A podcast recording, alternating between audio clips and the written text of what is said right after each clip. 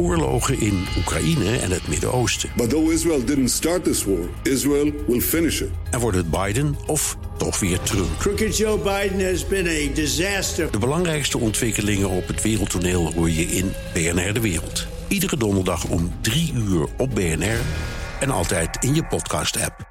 Over First gesproken, tijd voor een update over de United States of Trump. Met Jan Posma, onze correspondent in Washington.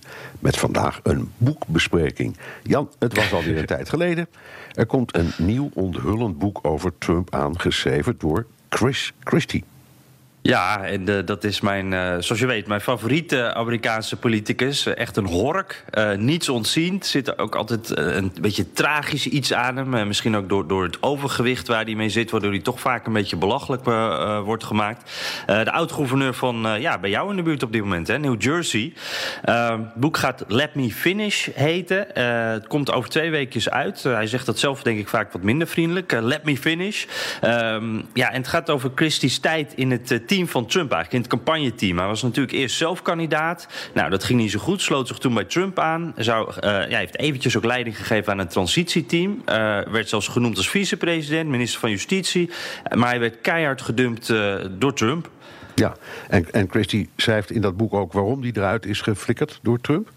Ja, en dat, is, eh, dat zijn wel interessante uh, fragmenten hoor. Eh, dat, dat exit-gesprek wordt, werd door Steve Bannon gedaan, die op dit moment natuurlijk ook niet meer in het Witte Huis zit. En Christie heeft Bannon toen onder druk gezet om te vertellen wie hier nou echt achter zat. Nou, en als Bannon dat niet zou vertellen, dan zou Christie naar de media stappen en zeggen dat het Bannon was. Nou, toen gaf Bannon toe en die zei: Het is Jared Kushner, de, schoonzoon van de president. En dat gaat dan over dat bizarre verhaal over de vader van Jared Kushner. Um, die huurde jaren geleden een prostituee in om zijn bloedeigen zwager te verleiden. Die zwager die zorgde dat het. Uh, of, of nou, hij zorgde ook dat het allemaal gefilmd werd. Uh, wat er gebeurde met die zwager. Stuurde de videoband naar zijn eigen zus toen. Uh, en dat deed hij allemaal om zijn zwager en zijn zus te chanteren. Om te zorgen dat zij zich stil zouden houden over fraude die uh, Kushners vader gepleegd had. Nou, pa Kushner die eindigde in de gevangenis. De aanklager was Chris Christie. En uh, die profileerde zich nogal op die zaak. Uh, ja. Op uh, geel eigen botte Wraak, dacht hij natuurlijk nu. Ja, klopt. En dat dacht. Kushner dus inderdaad. Dit laat ik niet uh, over mijn kant gaan. Nu kan ik eindelijk wraak nemen. En dat was waarom Kushner dus uiteindelijk Christie eruit schoof. Ja, en daarna zat Kushner hem weer dwars. Ja, want het was eigenlijk steeds, uh, als je Christie mag geloven, in ieder geval als Christie ergens in beeld was, uh, ook weer als vicepresident uh, of minister van Justitie, dan was het steeds Kushner die ertussen ging zitten en Trump overhaalde om toch niet voor Christie te kiezen. Nou, en toen kwam het op een bepaald moment zover dat Trump het toch wel sneu vond. Die zei toen tegen Reince Priebus, toen nog de, de stafchef, make Chris happy, geef hem iets. En toen draaide het een beetje om, tenminste als je Christie mag geloven. Toen kreeg Christie een hele trits aan functies aangeboden, ministers posten, alles. Maar uh, ja, hij had er geen zin meer in. Dus die arme Priebus die bleef die uh, functies allemaal probeerde die kwijt te raken aan, aan Christie. Maar niks, niks zei hij meer ja tegen. Nee, nog meer leuke roddeltjes in het boek? Ja, er staan ook serieuze dingen in hoor. Maar dit zijn toch wel wat, grappige fragmenten. Steeds ook een beetje met eten te maken. En steeds behoorlijk neerbuigend vanuit Trump richting Christie. De, de, de verhoudingen zijn steeds heel duidelijk. En het heeft ook steeds wat met dat overgewicht van Christie te maken. Uh, Christie schrijft bijvoorbeeld wat bozig over de eerste keer dat hij afsprak met Trump. Dat was in 2002 al.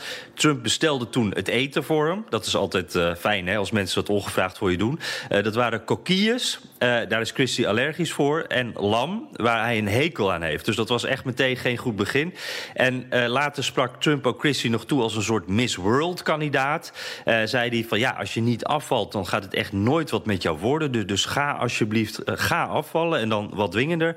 En de mooiste vond ik toch wel, Trump adviseerde Christie om altijd zijn stropdas iets langer te dragen dan, dan eigenlijk normaal zou zijn.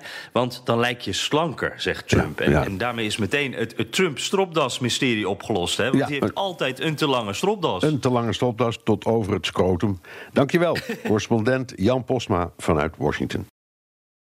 Ook Thomas van Zeil vind je in de BNR-app. Je kunt live naar mij luisteren in Zaken doen. De BNR-app met breaking news, het laatste zakelijke nieuws... en je vindt er alle BNR-podcasts, bijvoorbeeld Het Nieuwe Geld. Download nu de gratis BNR-app en blijf scherp.